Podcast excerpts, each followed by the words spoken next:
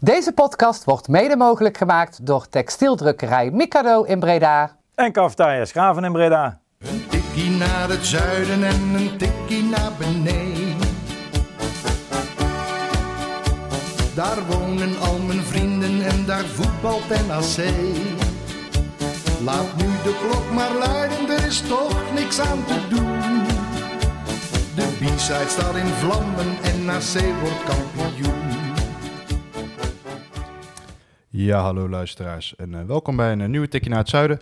Nog steeds een podcast over NAC en nog steeds van eh B-Side Reds. Je hoort het al, een iets andere samenstelling, want ik ben vandaag de host, Thijs 2. Onze vaste host, Thijs 1, is op een welverdiende vakantie. Niet naar Egypte, maar naar Portugal, in Faro. Ehm, dus ja, we missen onze host en tevens de voorzitter van de stichting. Ik zit in het bestuur van de stichting, ben geen voorzitter. We hebben wel onze ex-voorzitter, Levine, welkom. Hallo, goedemiddag. Hoe lang heb je nagedacht over deze en de, intro? en de derde, ron- de, derde werd, eh, de derde positie van vandaag wordt ingevuld door eh, de zoon van onze sponsor. Ja, niet? Welkom.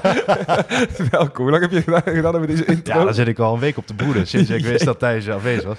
Nee, van de vieren Thijs een eh, ja, verdiende vakantie, denk ik. Veel plezier. En Ja. eh, wij zullen het hier... eh, Maar hij is vrijdag terug. Hè? Ik ga vrijdag naar eh, Ja. Venlo, dus... eh, ja, dan zijn we er weer. Nou, Dan zijn we er ik sta in het uitvak.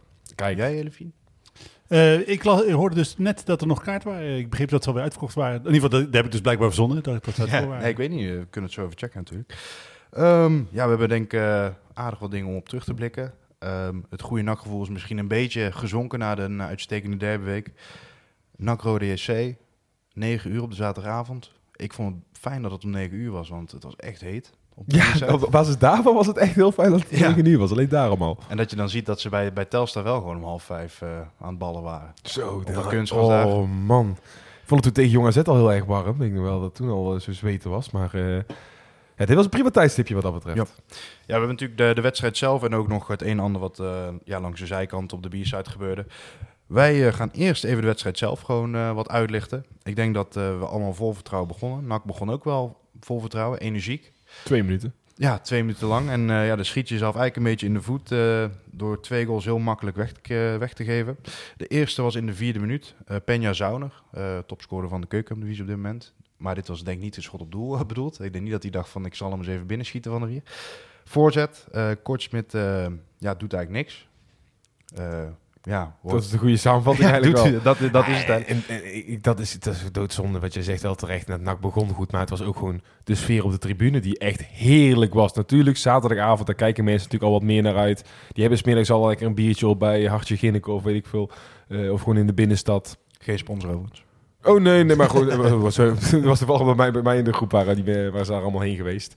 En eh, nee, maar de sfeer was ook echt lekker. Iedereen ging erachter staan van, nou, als we deze nou ook eens winnen, dan gaan we daar echt, dan schieten we daar sky high omhoog op die, eh, op die ranglijst. En eh, dat was te merken de eerste vier minuten. Dat had NAC had hetzelfde plan. En, ehm, maar ja, Cosmet had andere plannen, want ja, wat, wat die daar staat te doen. dat, dat, Jij bent eh, zelf natuurlijk eh, ja, niet keeper meer, maar je bent Nou. wel onze keeper-expert. Ik kreeg zondag deze vraag ook zo vraag. Bij, bij onze amateurvereniging. Zei ze, ja, maar jij bent keeper. Jij kan het over oordelen. Ik zei, ja, jongens, dan weet ik niet of ik daarvoor de juiste persoon ben. Maar wat je, je ziet wel gewoon als supporter, als je er ook gewoon naar kijkt. Die bal komt en je hebt eigenlijk... Maar wat je het beste kan doen, is eigenlijk gewoon in ieder geval in de lijn van, in de lijn van die schot, van die bal, van Ja. de voorzet gaan staan. Van als, hij niemand hem aanra- als niemand hem aanraakt, hoef je alleen maar je hand omhoog te doen. Ja. Ja, maar is En- moeilijk. de, de bal valt op moeilijke plekken. Ballen die rond de 6 meterlijn vallen zijn voor keepers eigenlijk altijd lastig. Er gaan heel veel keepers in de fout. het minste wat hij dus kan doen, is dat hij dus in die lijn van die voorzet gaat staan. Dat als niemand hem aanraakt, dat hij niet weer die bal heeft. Raakt die spits die daarin loopt, eh, of wel rechtsbuiten, in ieder geval als die die bal aanraakt en die kopt hem eigenlijk op 5, 6 meter in, ben je toch al 9 van de 10 keer kans. Dus dan kun je beter in ieder geval nog Ja. voor één soort kans gaan dat je hem hebt, dan dat je sowieso nu op een plek staat waar je hem niet gaat hebben. En dit is niet waar een keeper over nadenkt door zo'n situatie. Maar stel nou dat Kortsmit naar de hoek gaat en die spits die tikt hem vijf meter voor de goal, verandert hij van richting, dan is er ook niemand die het hem kwaad Absoluut niet. Het is wel twee keer eh Willem II uit, natuurlijk ook. Eh, twee keer een beetje de combinatie Wernersson-Kortsmit. Natuurlijk was het vorige keer echt Wernersson die het kopduel niet echt aangaat. Nu ook Wernersson. Kun je hem iets kwalijk nemen, denk je? Ehm, Want ja, puntje bij paaltje staat natuurlijk wel die spits weer gewoon, of de rechtsbuiten staat ja, voor de keeper. Hij raakt hem dan nu niet aan, hè? Maar Kijk, hij gaat het duel, hij gaat het, het duel niet aan, dat is ook kwalijk te nemen. Ik denk dat pas bijna zijn rol pas echt te, eh, te sprake komt als ehm, die jongen de bal daadwerkelijk raakt. Nu kun je ook zeggen, hij staat hoog genoeg zodat die voorzetten scherp genomen moet worden. Dat die spits er niet bij kan. Want die, ja, je denkt in eerste instantie buitenspel. Dat is het niet. Dus ja, Werdersson staat misschien net scherp genoeg. Zodat die spits er niet bij kan. Ja, dan hoort het een bal voor de keeper te zijn. Ehm, ja, voor we dan verder gaan met de rest van de wedstrijd. Dit, ehm, ja, vorige week voor om natuurlijk al een hele discussie met eh, gaat Troost misschien keepen. Dat was een beetje sprake van, leek het. Uiteindelijk niet. Ehm, dit is wel een, een uitgelezen moment, lijkt mij, als je Troost misschien wil proberen om het, om het nu te doen. Als je het nou niet doet, wanneer ga je het dan doen? Precies. Dat, dat is het. Eh, en het is natuurlijk zo, hè, die, die keeperstrijd was in principe beslist. Eh, aan het begin van het seizoen, omdat eh eh, Hiballa koos voor Kortsmit. Maar heeft die, eh, die discussie zelf nieuw leven ingeblazen. En omdat hij dat gedaan heeft, neem ik aan dat hij nu maatregelen neemt. Dus dat eh eh, Kortsmit eruit gaat. Dus wat jullie betreft eh, staat uh, in Venlo Troost op doel. Ah, weet je wat het is? Het heeft te maken... eh Kortsmit is helemaal geen slechte keeper.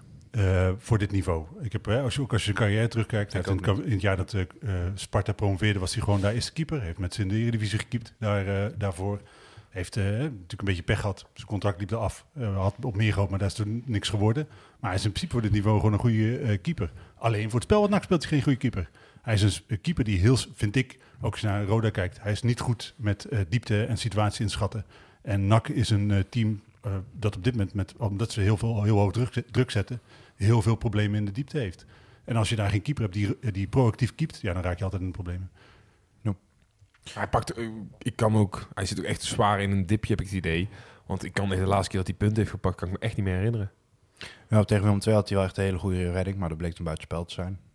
Als dat geen buitenspel was, dan had hij wel op dat moment in de wedstrijd gehouden. Maar ja, het is... ehm, kijk, ik- ben altijd wel voorstander van Kortsmit geweest, omdat ik hem gewoon best wel een goede keeper vind. Eh, het werd al wat lastiger om hem ook te verdedigen toen vorig seizoen natuurlijk in die slotfase.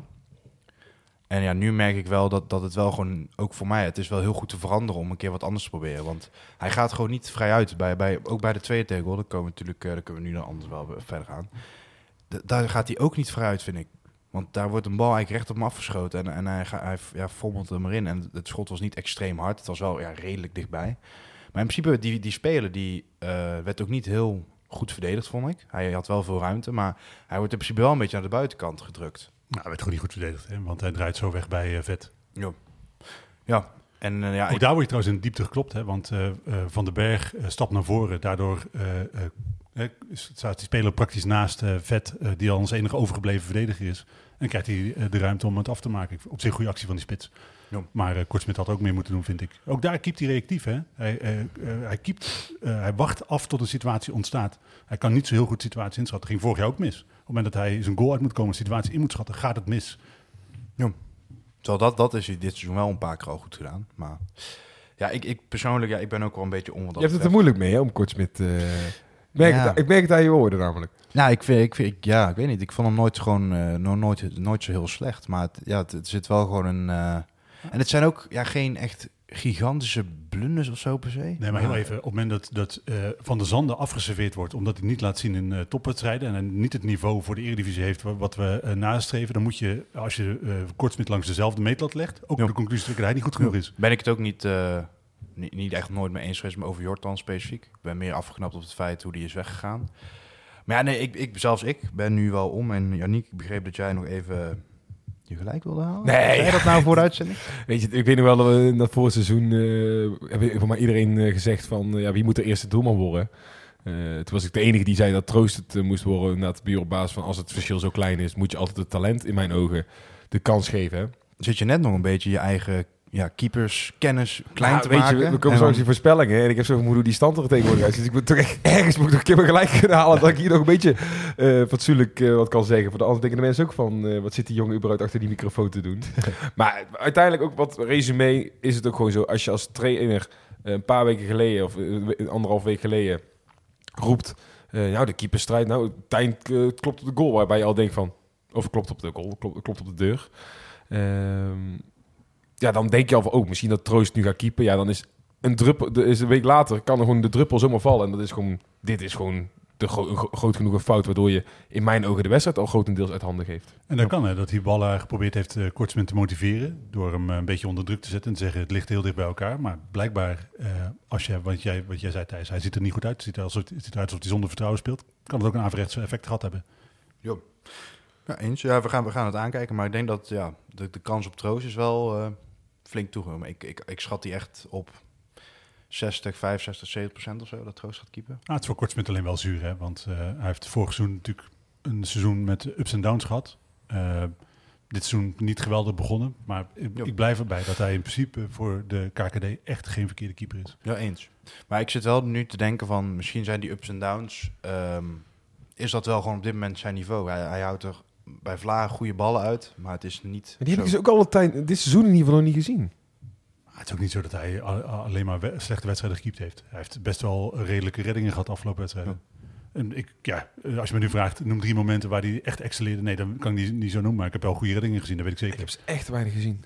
Echt niet. Eh, Eerder twijfelgevallen. Je denkt van ja, wanneer pakt hij nou eens een keer een bal voor je denkt, oh, zo. Dat is, een, eh, dat is een goede redding, maar ja, eigenlijk alles vloog Ja. er wel in. Ja, dat is dus het enige wat ik zei bij Willem II. En zeker ook als je de vergelijking gaat maken. Nou, we zullen daar de rest van de wedstrijd eh, erbij gaan pakken. Als je dan ziet wat voor keeper aan de overkant op staat bij Roda. Ja, Oké, die maakte een week eerder een blunder, maar die maakte even zijn blunder goed. Zeg, goede genade. Want die houdt er op partijballen uit. Dat was echt een wereld van verschil. Je zag het, dat, dat was echt voor mij het verschil deze wedstrijd waarom, waarom je hier niet met een resultaat eh, ja, weggaat. Je speelde thuis, maar waarom je geen resultaat behaalt. Nou, Ja, Koen voor, eh, mij is, was dat. voor mij is het verschil dat Roda veel slimmer gespeeld heeft. Dat Roda naar de kwaliteit van het elftal gespeeld heeft, NAC niet naar de kwaliteit van het elftal. Kunnen we zo nog wel op verder gaan? Want als die wedstrijd zich natuurlijk vordert... eh NAC wil sowieso vooruitstrevend beginnen en lekker aanvallen. Maar nu word je natuurlijk ook wel gedwongen om heel erg de aanval te zoeken. Want jij staat tweede op de verschil achter. Ehm, in de eerste helft resulteert dat in eh, bij Vlagen best wel mooi aanvallen. Ook een aanval die uiteindelijk eindigt met een omhaal van Haugen. Denk als die erin had gezeten, ja, raakt natuurlijk nu de bal helemaal niet. Maar stel die was erin gegaan, dan was het misschien wel de mooiste nakkel ooit. Maar nog niet super veel directe dreigingen. Toen werden we bij de corners pas eigenlijk echt gevaarlijk. En uiteindelijk bij een soort van half afgeslagen corner ontvangt Kuipers de bal. Dat was ook geen, geen verkeerd doelpunt. eh. Nee, maar je analyse is terecht. Hè. We worden eigenlijk niet gevaarlijk uit eh open zijn, eh, je bent afhankelijk van individuele acties. En dat kan je natuurlijk niet loszien van het feit dat je 4-3 speelt.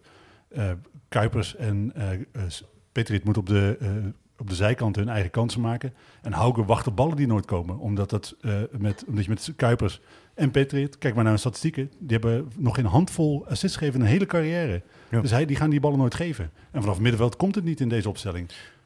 Ja, je merkt gewoon dat eh, met name eh, Patriot, die komt gewoon eh, een beetje in die rechts half rechts buitenruimte. En die gaat vanaf daar, ja, gaat hij maar iets doen. Gaat hij een actie Hij heeft inzetten. maar één doel voor ogen en dat is letterlijk het doel. Eh, hij gaat altijd voor zijn eigen kans. Hij geeft geen enkele bal af. En- Wat vinden jullie daarvan? Ik had daar discussie over en het was een beetje 50-50 eh, met de mensen met wie ik besprak. De een zegt, je hebt prima zo iemand nodig die een beetje egoïstisch is en op zoek is naar de goal.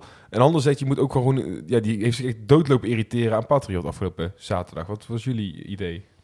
Je weet dat hij zo speelt. Dus dan denk ik, dan moet je zijn gebrek aan samenspel opvangen door andere mensen de voorzet te laten geven. Dus dan moet je eh, Leemans en Janusek op de zijkant in stelling brengen om die bal voor de, voor de goal te slingeren.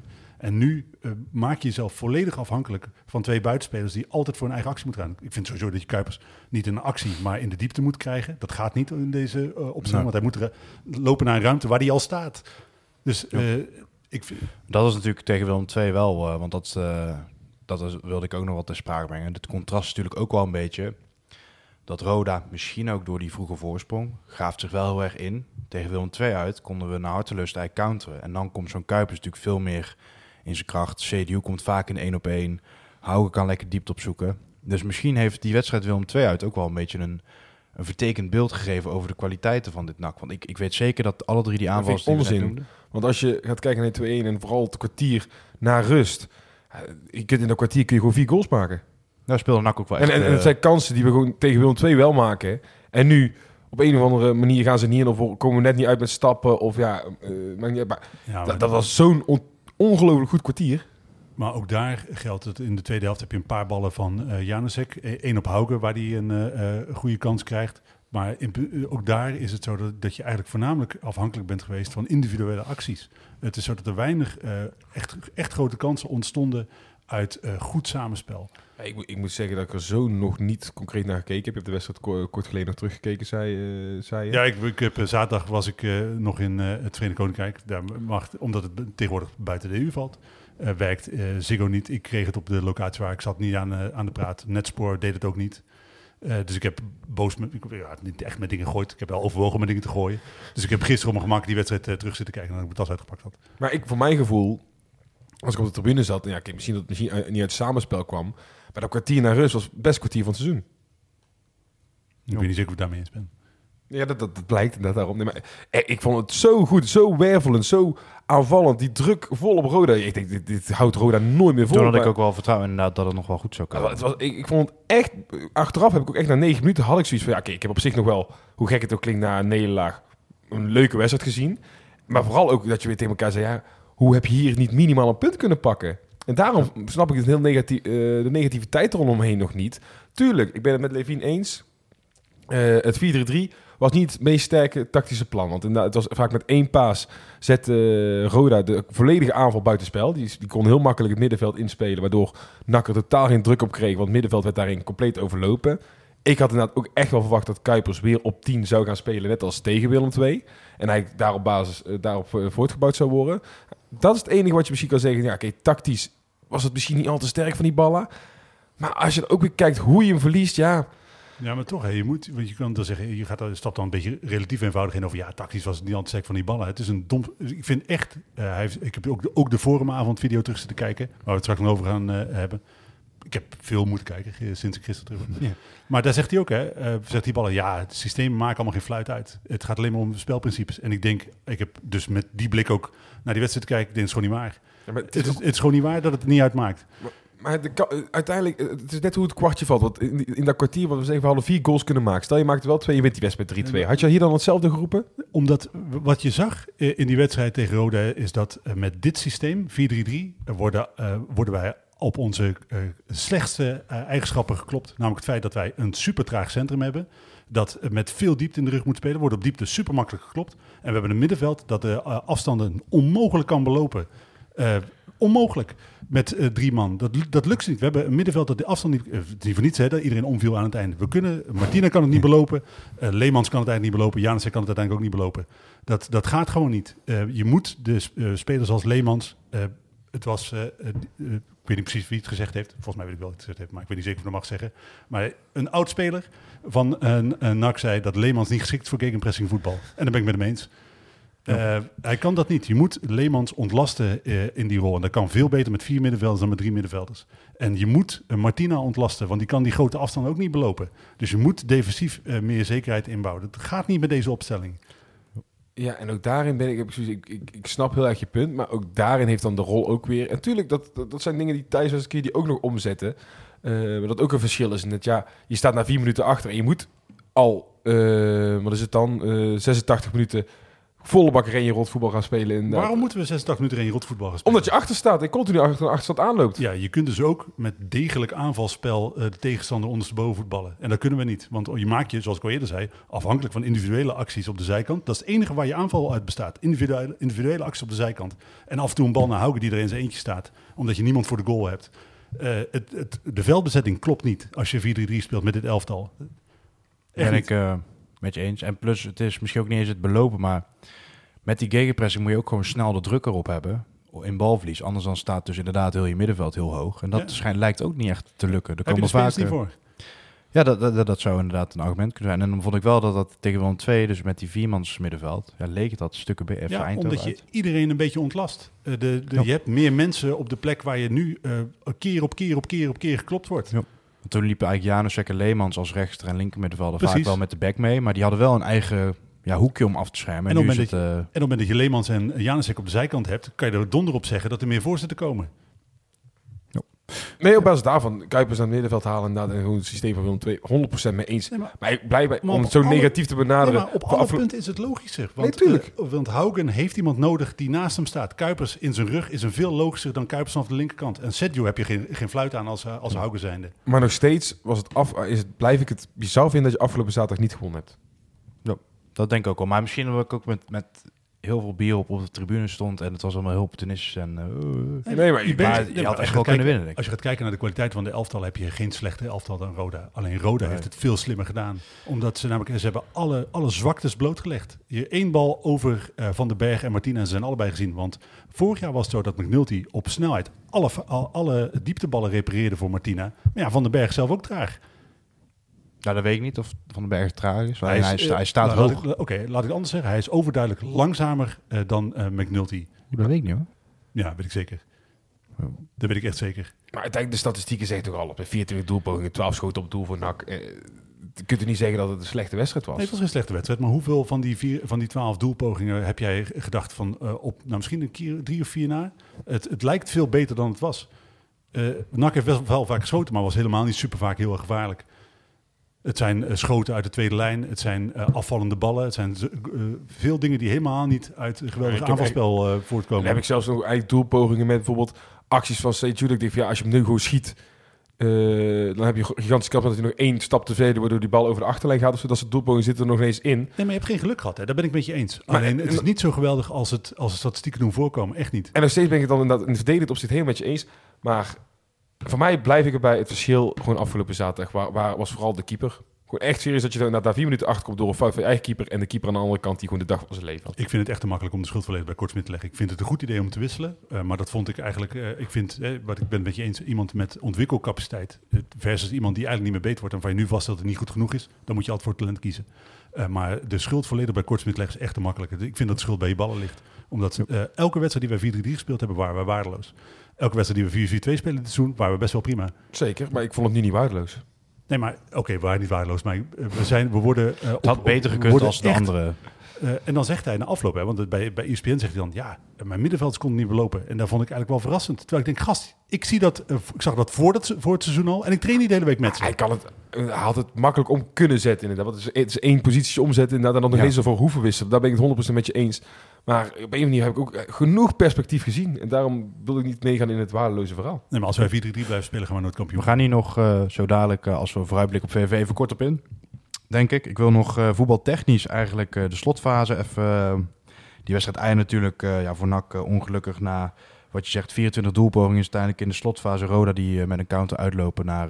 Ja, die moet je gewoon laten gaan. Dat, ja, want dat, dat is een... ja, Ja, het enige wat je inderdaad... Maar dan komen we terug op die discussie inderdaad, dat Levine zegt... ze kunnen het niet belopen inderdaad. Dat Ja. het systeem te ja, maken. Janusek liep er nog kort achter. Hij, was, hij had hem bijna, maar het zag er niet heel... die, die met ja. Ehm, wat ik opvallender vond aan die slotfase, want hè, die 1-3 kan gebeuren als je alles op de aanval eh, speelt. NAC eindigt hem uiteindelijk met 9 man natuurlijk. Eh, Cuco ongeveer 8 minuten voor eh, het einde eh, moet hij gewist worden. Zag er niet heel lekker uit met dat eh, knietje. Vandaag nog met nacht gebeld, was er niks duidelijk. Oké. Terwijl normaal bij Cuco staat hij dan vandaag alweer op het trainingsveld. Nee, dat- normaal gesproken. hè. Ja, maar die man die wordt toch, wordt toch in recordtempo gesloopt op deze Ja. manier. Nou, daar wil ik dus eigenlijk naartoe, want ehm er, eh, kijk, Janusek gaat er dan eigenlijk een halve minuut voor tijd uit. Oké, maar- maar we eindigen in principe met negen man.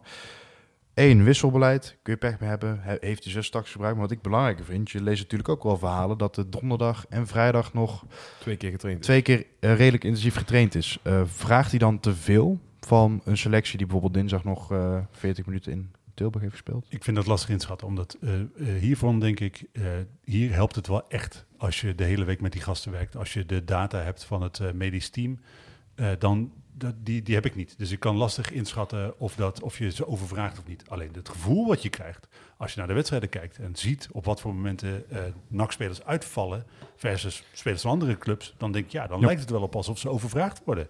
Ja, want het wedstrijdbeeld kan ik begrijpen dat Roda-spelers op het eind meer energie hebben. Want die staan natuurlijk de hele tijd eh, met, eh, met de reet in de eigen 16 te hangen. Ehm, en, en NAC, die zijn natuurlijk continu aan het druk zetten. Dus dat snap ik op zich wel. Maar dat je met negen man eindigt is wel een teken aan de wand dat er misschien... eh, Ah, wat Levine zegt, je, kent de data niet. En ik neem aan dat er nu met een relatief nieuwe medische staf is er toch nu, is er nu toch ook- gekomen dat ze toch echt wel twee keer nadenken in tegenstelling tot wat hiervoor allemaal gebeurd is. Alleen, het is wel heel logisch als je het na, dan een dag later leest. Eh, en iemand dat ook een speler dat openlijk in de media zo zegt van ja, hm, we hebben nog twee keer eh, twee dagen getraind. Ja, dan zorgt het op zijn minst voor gefronste wenkbrauwen. Ja. Ik, ik heb echt het gevoel eh, dat eh eh, Hiballa een heel goed voetbalidee heeft als hij daar de juiste spelers bij heeft. En hij heeft niet de juiste spelers voor het idee wat hij in zijn hoofd heeft. Dat vind ik echt. En het kan goed zijn, hè, dat, want hij zegt de hele tijd over een paar weken heb ik iedereen fit voor het eh, voetbal wat ik wil spelen. Maar ik vraag me af of alle spelers in de selectie daar geschikt voor zijn. Ik hoop Ja. dat hij gelijk heeft. want in principe een paar van jouw sterspelers zullen er niet snel uit aan. Dan heb ik het eigenlijk over Leemans, Janusek, Cedric. Vind je jou een sterspeler? Ik, ben, ik vind het tot nu toe echt Ja, verschrikkelijk ik vond hem, teleurstellend. eh, vond hem wel goed eh, weer tegen Roda. Echt? Ja. Ja. ook hier had ik weer meer een discussie over dat 50-50 is. Zal het misschien hier, hier inmiddels dus ook. Dus maak, jij, maak jij er ergens 66 van? Ook daar denk ik, je moet hem in zijn kwaliteit gebruiken. En zijn kwaliteit is dat hij eh, m- mensen van ballen voorziet, eh, op- in scoringspositie brengt. Sterk een paar. dat, vond ik dus dat vind ik dus wel meevallen. Hij- ik vind hem niet creatief genoeg.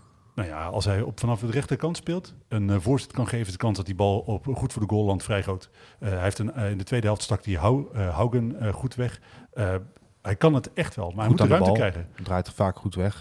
Hij moet de ruimte Ik krijgen. vind het echt een rasopportunist. En dat, ik rendementen zal ongetwijfeld goed zijn aan het einde van het jaar, maar de echte het is geen echte creatieve nummer 10 voor mij. Nee, maar ik denk dat het echt te maken heeft met de rol waarin hij speelt. Hij moet niet jou, eh, eh, moet veel meer teruggetrokken op het veld spelen. Ik vind niet dat hij jouw echte nummer 10 moet zijn. Oké. Nee, daar kunnen we ook nog over twisten. Ja, Daar gaan we dan zo nog even verder als we gaan kijken naar eh, VVV. Ik denk dat we het voetballen eh, ja, nu zo af kunnen sluiten. Jullie hebben er allebei wel jullie eigen mening over. Gaan we kijken naar wat er op de biersite gebeurde, want de wedstrijd werd tussendoor even gestaakt. Ehm, Even, sorry, het doet ook alsof het, even niet alsof het niks is. Dat was zo eh, relaxed dat ik dat door kon spoelen. Ja, Dat, dat, eh, eh, konden wij niet. En ja, ik was er ook echt al. Ik was er al om half zeven. Nee, kwart over zes was ik er. Dus toen was het ook nog werd gestaakt, dacht ik wel van, jezus. je Kwart over zes. Ik hoop dat, Bijna ja, drie uur van tevoren. Ja, de, Dacht je de, dat om acht uur de poorten gingen een half uur open. Ja, Oh, dat ja, was- ja, dat, dat goedkope bier, dat Dus, sprak je wel aan. dus wij stonden maar gaat gewoon... het om zeven- Nee, want maar dat, gaat het om- eh, dan gaat het om zeven uur open. Dan ben je er om kwart over zes. Moet je nog steeds Ja. drie kwartier wachten. Nou, je- heb je die rij wel eens bij de biersite? Jezus, daar moet je op serieus? Tijd, je moet daar op tijd staan hoor, anders dan heb je Oh, geen... Ik, eh, ik gebruik dit altijd al als argument omdat ik een kaart op F3 heb, maar dat is, bevestigt zich alleen maar. Maar dit is niet mijn ervaring hoor. Ik eh, was dan afgelopen weekend niet, maar ik heb bij de wedstrijd eerder toen niet het gevoel gehad dat Ja, dus maar de voet moest zijn. jij zat niet zeg maar, op de middelste trap, maar dat is echt super snel vol. En wij, wij zijn ook met een groep van, van 10 tot 14 man, zeg maar. Ja, oké. En dan Dus, willen we eh, best op dezelfde plek staan natuurlijk. Ja, ongeveer. Ja, ja, dat snap ik wel. En dan Nou, hebben we oké. altijd dezelfde Ja. achterburen. Nee, oké, dan, moet je, oké, dan moet je er op tijd zijn. Ja, en eh, ik vond het ook niet erg, want ik had niet zoveel te doen. Dus we stonden daar flink bier te zuipen. Bleek dat het in de BA de zes halen, vijf betalen. En dan was je Die- pas na een aantal halve liters achter, zeker. Nee, nee, nee, nee. Maar die telde daar dus niet. Ah. Dus toen hebben we nog vol, volle map betaald, helaas. Maar ja, dat was gewoon eh, gezellig met die gasten. Een beetje bier drinken en alvast voorbeschouwen. Maar ja, toen die staking dus kwam, want daar wil ik Ja, naartoe, dat, ja. Toen dacht ik van, eh, shit, nou wordt het wel heel... eh, want ik, ja, ik kon bijna mijn ogen niet meer open houden op een gegeven moment. Het- maar, toch, maar, maar toch hier wel serieus nog een mening over hebben. Nee, nee, ik, ik, ik merkte gewoon dat... eh, je weet wel, als je weer een beetje lang al bier aan het drinken bent... op een En gegeven het is moment waar bij de helft komt er gewoon een beetje zo'n inkakker. Dus ik stond een beetje tegen dat hek aangeleund. en van, nou, poeh, maar mij mogen ze snel verder. Eh, Want de wedstrijd was heel enerverend, dat wel. Nou oké, dan gaan we wel even over naar wat serieuzere zaken. Want ehm, Ja, laten, we, la- laten we eh, even een reconstructie doen. Want we hebben eh, contact gehad met Gijs onder andere inderdaad, onze spo- sportscoördinator.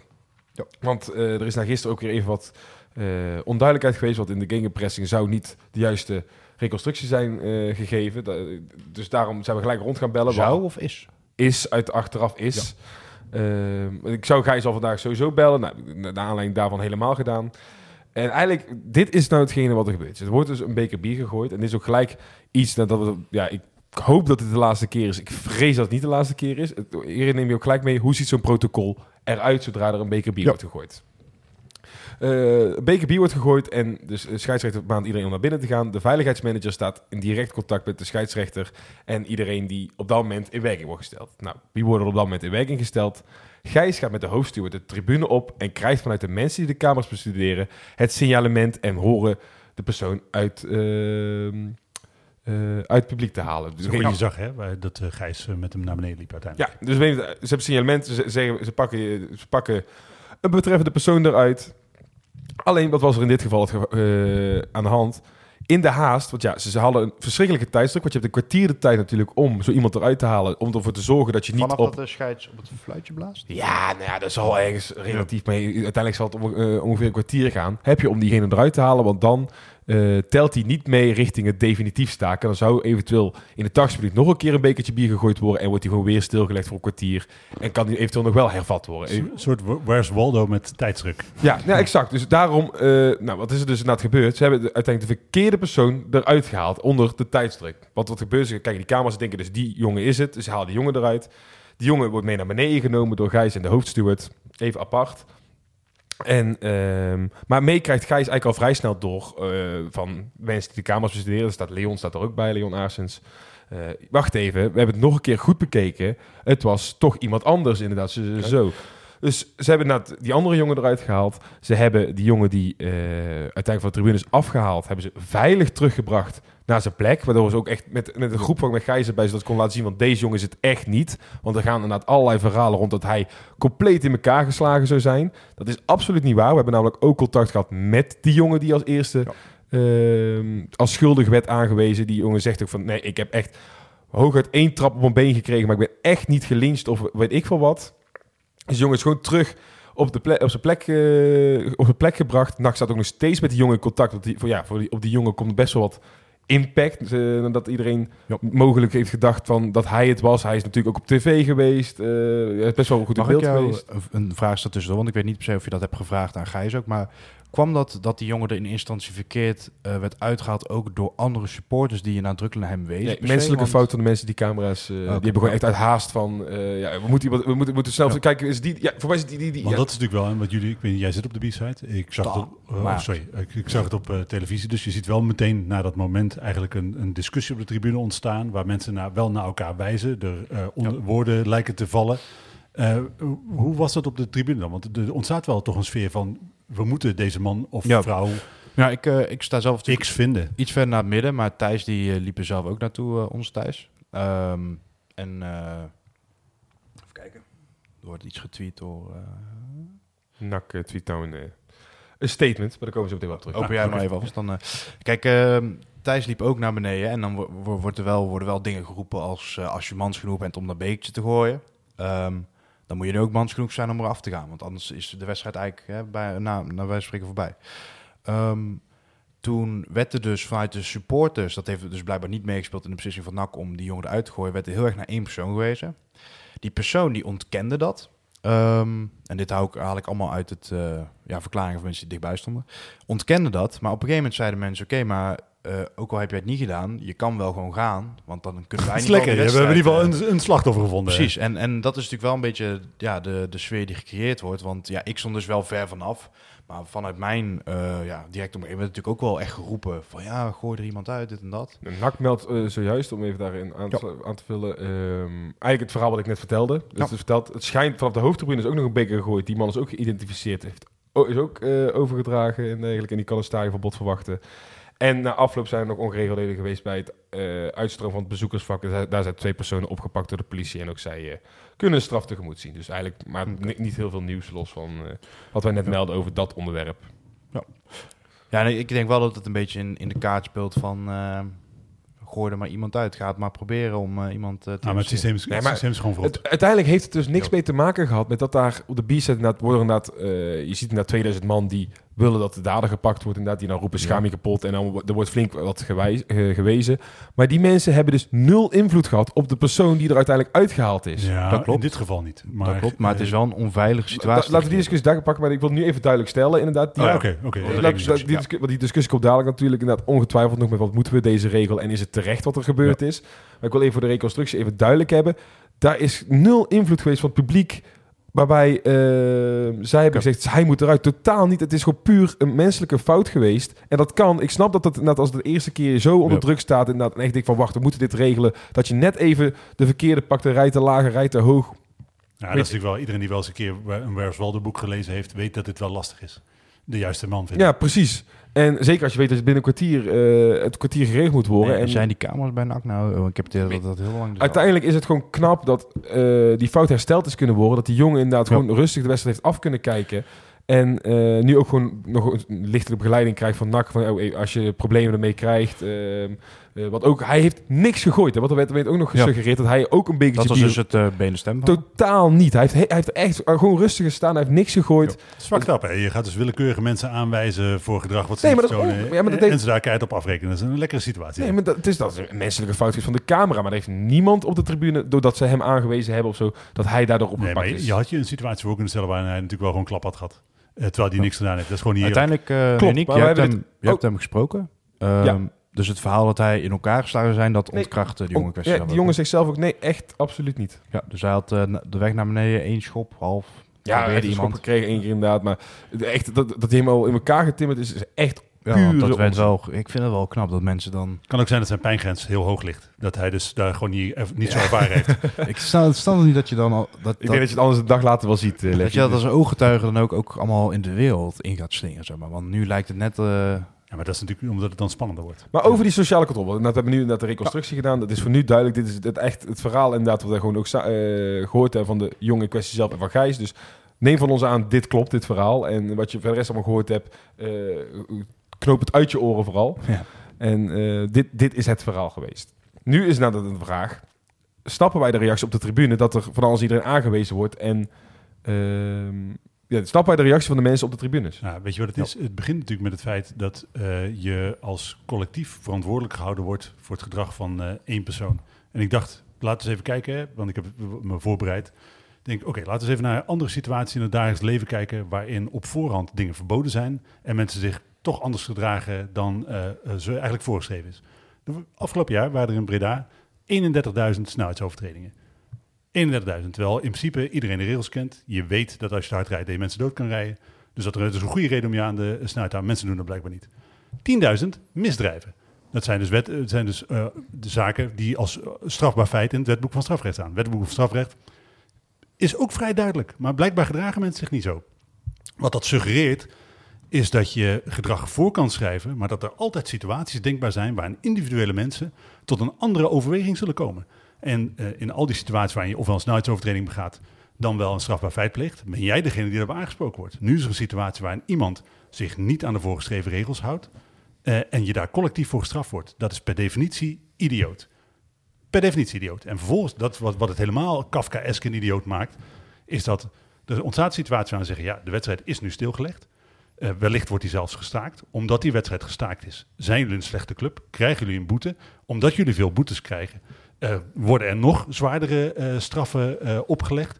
En er is dus een escalatie van, van maatregelen en geweld, terwijl er in principe in basis nog steeds niet zoveel aan de hand is. Er is één bekertje op het veld, waarbij niemand in gevaar is geraakt. Los, los van de vraag of je bekertje op het veld moet gooien, moet je niet doen. Daar is denk ik iedereen, nadat deze maatregelen ingevoerd zijn, het wel roerend over eens. De meeste mensen gedragen zich ook zo, maar je zal nooit het gedrag van Nee. alle mensen op alle momenten kunnen Zeker als er wat alcohol in gaat, dan moet je natuurlijk oppassen, want straks wordt alcohol ook verboden. Maar ehm, je hebt altijd mensen die dat doen en ja, dat is misschien eh, een beetje een kinderlijk standpunt voor mij, maar die bekers die zijn toch juist van plastic, zodat je er lekker mee kan gooien, dat het lekker veilig Maar blijft. het punt is, je kan mensen... Je dit nou, ga je deze opmerking echt Ja. serieus maken? Want Nee, ik- natuurlijk niet. Maar we moeten kijk- weer gaan knippen dadelijk. Nee, maar maar kijk, het- die, die, die bekers die vliegen al sinds jaar en dag in principe het veld op.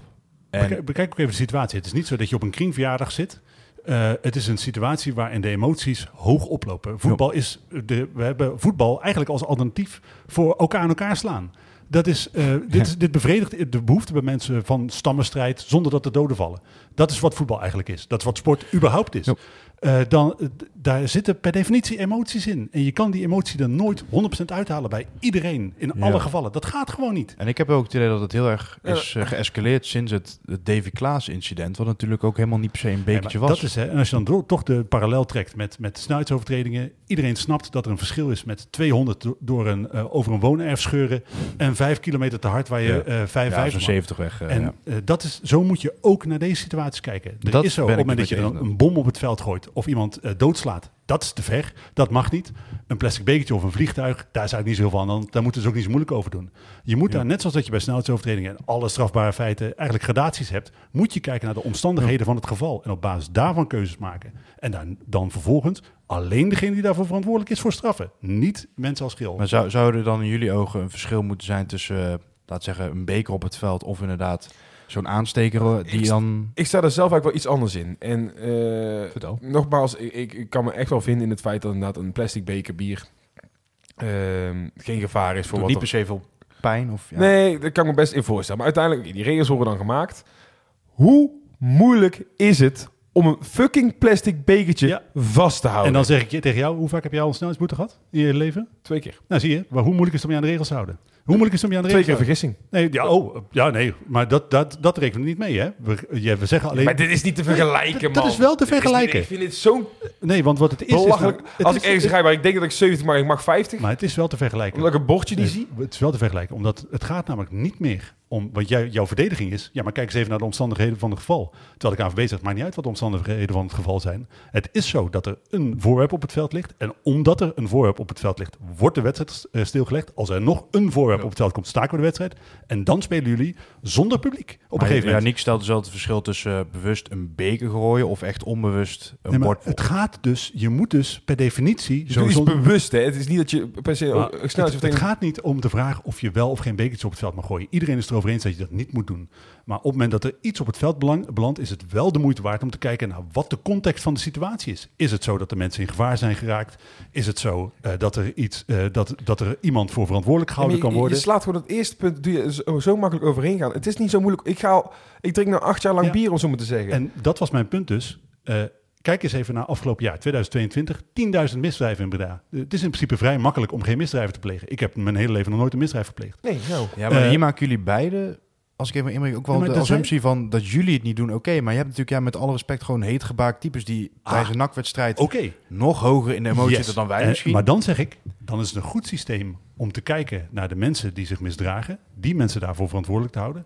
Maar ik als bezoeker op de B-site, ik kan niet verantwoordelijk zijn voor het gedrag van 2000 andere Nee, mensen. maar daar zijn we het allemaal over eens inderdaad. Dat, dat, maar dat zo'n jongen die dat bier gooit, ja, die wordt maar gewoon gestraft. En dat is eigen schuld dat hij krijgt. daar, maar daar, Maar is- daar, daar is niemand het mee Maar- oneens. nee, maar daar is niemand het mee En dan, oneens. st- dan stel je dus die regel op dat je, eh, als je gepakt wordt, dat telt hij niet mee in het sta- stakingsproces. Nou, dan mag begin je eigenlijk weer een soort van op nul. Dan vind ik het een hele logische reactie dat mensen hem vanzelf aangewezen zijn. Dat je die sociale, sociale controle gaat krijgen. Want daarmee voorkom je juist die collectieve straffen Nee. die jij ook niet zin Nee, in hebt. want je, nogmaals is het zo dat ik ga zeggen, eh, het, we doen als samenleving al jaren ons best om een misdaad uit te bannen. Dat gaat blijkbaar niet. Eh, dat, anders was dat wel gelukt. Ken jij een land waar geen misdaad is? Ik niet. Dus blijkbaar zijn er situaties waar mensen zich niet aan de regels houden. Dat is menselijk gedrag. Eh, wat we nu, je probeert een situatie te creëren waarin iedereen zich conform de regels gedraagt. En ik zeg, die situatie bestaat niet. Dus in plaats van je blind te staren op een situatie die je nooit gaat realiseren, kun je beter kijken hoe je het probleem van bekertjes op het veld gooien. Dat hebben we eigenlijk al best wel opgelost. Want er werden heel veel bekertjes op het veld gegooid. En nou wordt er eigenlijk niet zo heel veel meer op het veld gegooid. Er wordt bijna niks meer op het veld gegooid. Dus eigenlijk is ons doel bereikt. Eh, en er zijn eigenlijk ook de afgelopen, eh, dit seizoen nog geen spelers echt in gevaar geweest. Dus ook dat is Nou. goed gelukt.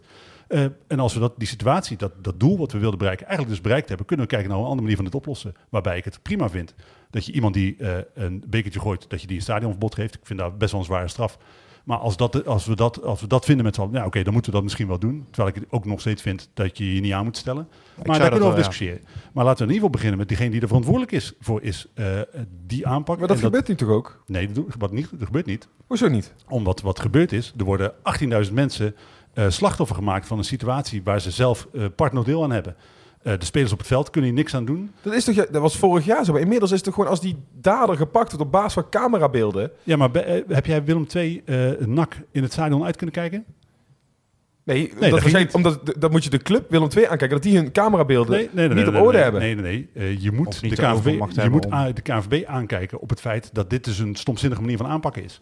Eh, het is ook- Maar een club kan toch gewoon fatsoenlijke camera's op de tribune hebben? Of in ieder geval het lef hebben om dan gewoon die twee mensen eruit te pakken? nee, wat je moet, waar, je toch... mee, dat- waar je mee moet beginnen is als er geen gevaar is voor spelers. Ja, maar dat is wel zo. Je, je kunt namelijk gewoon het protocol hanteren zoals je, het al, zoals je altijd gehanteerd hebt bij het eh, tegengaan van geweld en dergelijke in stadions. Dat je kijkt wie heeft dit gedaan. Die persoon pik je eruit en de rest van de mensen heeft daar in principe geen last van. ja, dus dat wordt nu toch gedaan? Nee, want je hebt toch. eh, ik heb door moeten spoelen op televisie omdat die wedstrijd stilgelegd was. Ik heb En er wordt druk wil- gelegd van vind hem maar in een Precies. kwartier, anders is dat nog klaar. Ja, maar dat is toch juist het doel? Nee, maar je, je kunt. Je moet er ergens een grens stellen. Zet er regels zijn de regels. Maar dat, dat is dus het stomzinnige wat, wat, wat ik je probeer bij te brengen. er zullen altijd mensen zijn in alle Ja, situaties. en die zullen altijd gestraft worden. Klopt, maar nu word jij ook gestraft. Door en een dat is idioot. om de- als gewoon die jongen individueel gestraft wordt, maar kan ik gewoon een voetbalwedstrijd Nee, dat gaat afkijken? dus niet. afkijken, maar daar ligt wel een kwartier stil. Precies. En eh, eh, jij de kan, wedstrijd... Ja, maar is een kwartier stil dat dan nou zo... nou, voor NAC heeft het wel gevolgen gehad. Ja, NAC raakt uit die wedstrijd. Dat- en dat is natuurlijk ook weer een dubbele eh, straf. Willem II NAC sloeg helemaal nergens op dat die wedstrijd eh, eh, uiteindelijk die wedstrijd gaat uiteindelijk niet door. De vorige editie van eh NAC Willem II ging ook al niet door. Als supporter word ik hier genaaid voor gedrag waar ik niks mee niks aan Ja, kan en doen. dat hebben ze dus proberen te voorkomen. Proberen ze nu te voorkomen dat inderdaad het collectieve Nee, straffen door... nee, als, de, als de dader gelijk nee, gepakt nee, nee, wordt, nee, nee, dat hij nee. dat hij niet meetelt. Want het begint al met een collectieve straf. Het, eh, het stilleggen van de wedstrijd is een collectieve straf. Die eh, collectieve straf wordt direct ingevoerd zonder dat gekeken is naar de situatie. Waarbij, nogmaals, vergelijking, 200 door een uh, Ja, is een andere situatie dan een... dus een eh, Cobra 6 op het veld of een bekertje. Precies, het zijn twee verschillende situaties. Je moet daar verschillend naar handelen. En er wordt nu eh, met een kanon op een mug geschoten, ongeacht of het een mug of een olifant is. Maar daarin wordt het ook gewoon weer heel lastig. In de zin van 200 kilometer hard rijden. Als je daar graag die vergelijking wil maken, dan maken we die vergelijking. 200 kilometer te hard rijden of 5 kilometer eh, te hard rijden. eh, dat is zwart op wit. Kun je heel makkelijk regels stellen. Oké, bij 5 kilometer te hard krijg- eh, gebeurt dit. Bij 10 kilometer hard is dit. ge- gevaar Maar- voor spelen? Maar, maar je kunt niet elk Ja, voorwerp zeker. in een bepaald schema zetten. Nee, en dat is zoals ook bijvoorbeeld ook ons wetboek van strafrecht ingericht is. Ons wetboek van strafrecht staat niet vol met eindeloze lijsten van mogelijke situaties. Zo werkt het wetboek van strafrecht namelijk niet. Het staat met een algemene verbodsbepaling, waar uiteindelijk iemand die daar verstand van heeft, een rechter een oordeel velt of dat eh, een goed, eh, of, eh, of die regelovertreders zijn, wat dan dan een passende straf is. Je moet hier ook iemand hebben die de afweging maakt, een neutrale afweging van oké, hoe erg is deze situatie nou? Wat zou hier de beste oplossing een zijn? soort neutrale veiligheidscoördinator in staan. En het punt is dat de KNVB daar niet aandurft. Mensen verantwoordelijkheid geven. Dus dan is het veel makkelijker om een rigide systeem... Maar nou hoor ik je voor het eerst na deze discussie een goede, eh, goed alternatief geven. Nou, door inderdaad een soort van voetbalrechter aan te stellen die op basis daarvan beoordeelt. Maar Er het is kunnen- een compleet ander verschil. Want ik, Maar er- er is nu al, hè, je hebt in jouw opsomming daar straks van de, van de situatie al aangegeven wat op dit moment een protocol is. Er is doorlopend contact tussen een veiligheidscoördinator, politie, eh, Gijs. Die drie mensen kunnen in een klein driehoekje, je kan daar andere samenstellingen voor bedenken, of, je, dat maakt hem niet uit. Maar er zijn best wel teampjes te bedenken bij iedere voetbalclub die een reële afweging kunnen maken of een wedstrijd gestaakt moet worden of niet. Eh, dat, is, dat, dat is namelijk altijd zo geweest.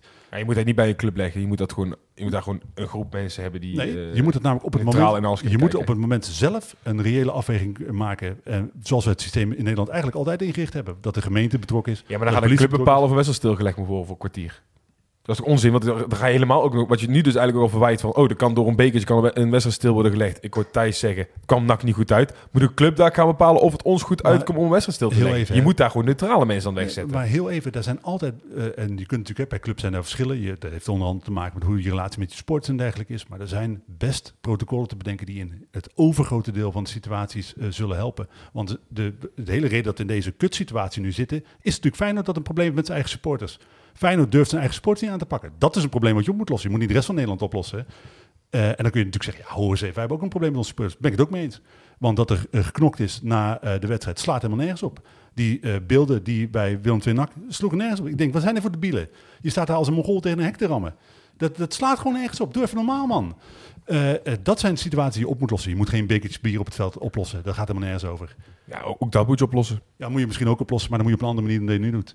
En ik vind echt, want eh, vroeger werd er vuurwerk op het veld gegooid, dan werd er gestaakt, dan werd wacht, er wordt vuurwerk op het veld gegooid, is dit wel een veilige situatie? Durven spelers wel het veld op? Oké, we maken daar met z'n allen afweging, we gaan door, we gaan niet door. Dat vind ik een goed gezond beleid. Maar per definitie stoppen omdat er iets op het veld gooit, is idioot beleid. In alle gevallen. Omdat nogmaals, je kan niet al het gedrag van alle mensen op alle momenten altijd reguleren. Zo werken mensen namelijk niet. Ja, ik, ik snap, ik snap meer, meer je punt al. Ik zeg niet dat ik het er helemaal mee eens ben, want Het uiteindelijk... zou wel verstandig zijn. Nou, ik weet niet of dat even verstandig is. ik kan situatie herinneren, nee. Ehm, nee, ja, ik, ik, vind, ik blijf er gewoon wel bij het standpunt inderdaad. Ik vind het niet per se in collectief staf als een wedstrijd stilgelegd wordt. Ik wel. Eh, vooral, dat is, ik, ik snap ergens wel dat ook gewoon de regel niet is van als dan inderdaad... Dat, ik vind het als een collectieve straf als ik niet 90 minuten lang voetbal kan, als ik de wedstrijd niet af kan kijken. maar ik heb Dat is eh, dus de weken voor. Willem II NAC heb je niet af kunnen kijken. Ik heb NAC Willem II niet af kunnen kijken. Ik, eh, in de regels van de KNVB staat ook dat ik naar mijn geld kan fluiten. Dat is super oneerlijk. Want eh, als ik straks een wedstrijd zonder publiek aan mijn broek krijg... wat Henk Valk op de vooravond Mhm. eh, eh, verstelde... eh, op de bierset of waar ik zit... eh, sta, eh, dus afhankelijk van het moment. Rust zit ik meestal. Maar dat, eh, eh, dan heb ik, word ik gestraft voor iets waar ik niks aan kan doen. Want Ja. eh, als er links op de bierset iets gegooid wordt... en ik sta bij, een beetje rechts van het midden... ja, ik kan onmogelijk die mensen beïnvloeden. Uiteindelijk ligt er voor, ook een beetje die verantwoordelijkheid bij je eigen club, bij NAC bijvoorbeeld. Want Ja, maar- als wij nu een wedstrijd zonder publiek gaan krijgen, heeft dat te maken met dat NAC niet in staat is de dader op te sporen. Nee, dat is niet helemaal waar. Want het is dus zo dat als je gaat kijken naar hoe eh, het syst- het strafsysteem ingericht is, eh, je krijgt heel snel een eh, sanctie aan je broek. Het gaat nu om het bekertje bier, hè? Nee, maar de, de, die sanctie is namelijk dat de wedstrijd gestaakt wordt. Daar begint het al mee. Als een aantal keer een wedstrijd gestaakt wordt, dan heb je een bepaald, is er een bepaald beeld van jou als club. Want we hebben, het was nu ook al zo. Ja, NAC ligt onder een vergrootglas. Ik denk NAC ligt onder een vergrootglas, omdat er dus al best wel vaak dit soort situaties ontstaan waar je kunt afvragen hoe dreigend de situatie was, hoe erg het allemaal was. Eh, je, er ontstaat heel makkelijk een beeld wat al lang geen recht meer doet aan de, hoe gevaarlijk de situatie oorspronkelijk was. En waardoor je wel op afrekent. Want de- die boetes worden Er wordt gestapeld. niks op afgerekend. wordt er echt wel erg op afrekend. Ja, je- je- uiteindelijk... Wedstrijden zonder publiek slaan nergens op het moment dat ik niet geknokt heb. Dat, dat slaat gewoon nergens op. Nee, dat ben ik het 100% mee eens. Maar uiteindelijk, het onder vergrootglas liggen heeft niks te maken met hoe gevaarlijk een situatie is. Nee, maar onder vergrootglas liggen hang- hangt wel af van het aantal boetes wat je krijgt. En dat aantal boetes dat stijgt eh, op, op ridicule snelle manier eh, in deze situatie. Want eh, je En krijgt, je denkt dat NAC nu iets van een boete krijgt voor wat er nu gebeurd is? als die wedstrijd gestaakt zijn omdat er zooi op het veld was gegooid, dan zou eh, zou prima een boete kunnen volgen. Dat weet ik Maar die boete gaat nu dus verhaald worden op die, Nee, maar het begint, met het, het begint met het feit dat die boete niet opgelegd moet worden. Vind ik. Eh, op het moment dat er geen gevaarlijke situatie is, moet je gewoon lekker doorvoetballen. Moet je die vent persoonlijk straffen. Precies, moet je die vent persoonlijk straffen, maar dan moet je niet de, de club pakken. Vind ik echt niet. Nee, ja, oké, maar dan moet je... Ja, nee, Want dan, dan is de enige, de oplossing, als je club echt verantwoordelijk wil maken, moet je zonder publiek spelen. Als er dan nog iets op het veld landt, dan is de club echt verantwoordelijk. Eh, of als je veiligheidsapparaat als club echt niet, echt niet functioneert. En daar kun je bij NAC ook wel wat vraagtekens bij stellen. Ik was eh, afgelopen zaterdag in eh, Engeland bij een wedstrijd. Super veel respect voor eh, de stewards. Mensen helpen elkaar. Mensen spreken elkaar aan op gedrag. Daar is, dat is sociale controle waar ik op zit te wachten. Dat je een steward helpt op het moment dat er een gevaarlijke situatie is. In plaats van dat je de steward naar beneden timmert. En waardoor de stewards dus de tribunes er niet meer op durven. Dat is sociale controle waar je iets aan hebt. Dat je met z'n allen voor een veilige, veilige sfeer op je tribune zorgt. Dat is Maar belangrijk. het is sociale controle die nou toch is ontstaan doordat er... Het is geen gevaarlijke situatie. Volgende keer wordt iemand van de tribune afgeslagen. Hè? Dat weet ik echt zeker. Ja, maar ja, dat is bij bier... Maar weet je, we gaan nu doen alsof dat dan dat, eh, voor het eerst gebeurt. Maar hoe denk je dat het biergooien op vak G opgelost is? Ja, ik vind dat geen goede oplossing. Ja, dat, het, het, er gooit niemand meer bier bij vak G. Eh, Over ONC. Dat had toen te maken, want ook voor de regels bij spreken, werd er allemaal bier overal zich heen gegooid. Daar zijn een paar gasten bij G helemaal klaar mee geweest. Maar dat is op die manier toen opgelost. NAC is toch gestaakt omdat er iets van een vak werd? Ja, maar even, het ging toen, we hebben, we hebben toen ook net na corona zo'n Dus dat- periode gehad waarbij, Dat was ook niet helemaal de oplossing. dus. waarbij bij de jeugd... Nee, laat me ook niet uitpraten. Ik laat je uitpraten, sorry. Het gaat, we hebben toen ook echt die sociale problemen gehad. Ook op B-set, op vak G. Hebben we hier in, in de podcast ook vaak zat een discussie over gehad. Dat er toen bij spreken bier gegooid werd dat mensen zeikers nat waren die op de onderste eh, regel zaten. was nog voor de regel die werd toegepast eh, rondom het Davy Klaas incident. En dat is toen opgelost met sociale controle. Ja, en ik denk dat per tribune... En of dat de juiste manier is, weet ik niet. Per tribune zijn daar verschillende oplossingen denkbaar. Ik denk dat de sfeer op vak G wellicht eerder geweld in de hand werkt dan op F eh, het geval zal zijn. Eh, wellicht op F7 of F8 dan wel eerder dan op F1. Eh, dus ik denk dat je per tribune moet kijken hoe je dat oplost. En dat, maar goed, ik, eh, wat ik, wat ik, ik blijf, blijf overeind staan dat ik vind dat je met z'n allen voor een veilige sfeer moet zorgen. En dat dat de juiste weg is. Voor we verder gaan naar... ja, we willen toch nog even vooruitkijken ook naar VVV. Maar ehm, klein nieuwtje wat natuurlijk wel uit de vooravond nog kwam. Ik wil trouwens onze eigen Wouter een groot compliment geven voor het eh, verslag wat hij ervan heeft gemaakt. Het is eh, goed en duidelijk te zien, ook voor de mensen die niet aanwezig konden zijn. Ja, ik was heel blij mee, want anders had ik echt nooit niks van die formaat meegekregen. Anders al wat te fluit op Twitter. Ja, er is dus bekend geworden ook dat NAC is gestraft. eh, en dat vind ik ook wel een goed voorbeeld van collectieve straf. Want blijkbaar was er... we stonden hadden een voorwaardelijke straf openstraf FC Den Bosch. Daar Ja. was ik bij. Werden, waren mensen uitgebroken. Nou, vond ik eigenlijk ja, terecht dat daar een voorwaardelijke straf werd gesteld. Toen is er bij Emmen dus blijkbaar, waar ik ook bij was... is dus weer uh, hommeles geweest. Maar dat heb ik zelf eigenlijk niet doorgehad. Ik heb wel gezien dat er eh, mensen aan een poort stonden te rammelen. Eh, ik heb dat zelf niet als een supergevaarlijke situatie geïnterpreteerd. Jij was er. jullie- Nee, we waren er ook bij. ja. Voor mijn gevoel heeft dat 10 seconden geduurd. Ik ook, voor, Ja. voor mij ook. De, ik heb de, helemaal niet het gevoel gehad dat daar Ja. echt iets aan de hand was. Maar blijkbaar is het om. Ja, ik, er stond vervolgens wel politie bij. En op het moment dat de politie bij staat, weet je dat je klaar bent. Laat daar inderdaad even, eh, want je gaat natuurlijk toen aan het feit dat dan Jong Utrecht eh, zonder uitpubliek gespeeld moet worden. Kijk, natuurlijk, weet je, ik ben het ook 100% mee eens dat we daarin allemaal niet, de collectieve staf ben ik het niet mee eens. Maar er moet wel ergens een eh, grens getrokken worden inderdaad. En, dan niet op een manier van collectieve straffen. Ik denk dat iedereen het daarmee eens Ik is. denk, maar je ziet als je nu naar de, naar de eh, stadions kijkt, er wordt veel minder gegooid dan eh, net na corona het geval is. We hebben ons doel voor best wel een groot deel bereikt. Als, je dat, als dat het doel was. Eh, eh, en ik maar als je het dus niet los laat, gaat laten, dan gaat er weer meer gegooid worden. Ligt eraan, als jij gewoon zorgt dat mensen die iets gooien een staanverbod krijgen, maar dat niet de wedstrijd stil ligt, dan denk ik alsnog niet dat je gaat gooien. Want dan kan ik dus bij wijze van spreken staan nou dat, dat ik zo'n biergooier ben. Dan kan ik dus wel een biertje het staan op, eh, op het veld gooien en het, de wedstrijd wordt niet meer gestaakt. Dat is dan eigenlijk een soort van plus 1 in die situatie. Maar dan mag ik vervolgens nooit meer het stadion in. Dan denk ik niet dat er veel mensen gaan gooien. Niet En- meer dan nu in ieder geval. Nogmaals, het, ook net zoals met andere verbodsbepalingen, eh, het gaat erom dat je het gedrag van de meeste mensen nu echt wel georganiseerd hebt. Eh, dat men, niemand, de, er gaan veel minder mensen bier op het veld gooien dan eerder het geval was. Dus dat doel is bereikt. Ja, er zijn altijd in de samenleving dan bijvoorbeeld criminelen. Die hou je altijd. Ja. Dus je kan nooit... eh. Nee, zeker. Eh, dan voel, ja, voelt het een beetje raar. Maar wil het nog even over echt voetbal hebben? Of, eh, nee, tuurlijk. Nee, maar het, is, het, is, het is een maatschappelijk ding. Moet- Natuurlijk moet je het hier ook even bespreken. En uiteindelijk, ja. uiteindelijk begint het ook gewoon wel bij het feit... gooi je niet met je bier. En wat Levine zegt, natuurlijk, je hebt op Eh 20.000 man, ongetwijfeld mensen die zich niet aan de regels houden. Daar ben ik met hem eens dat wij spreken in een maatschappij ook zo gebeurt. Maar ja, dat er, dat er straffen moeten komen, dat is een feit.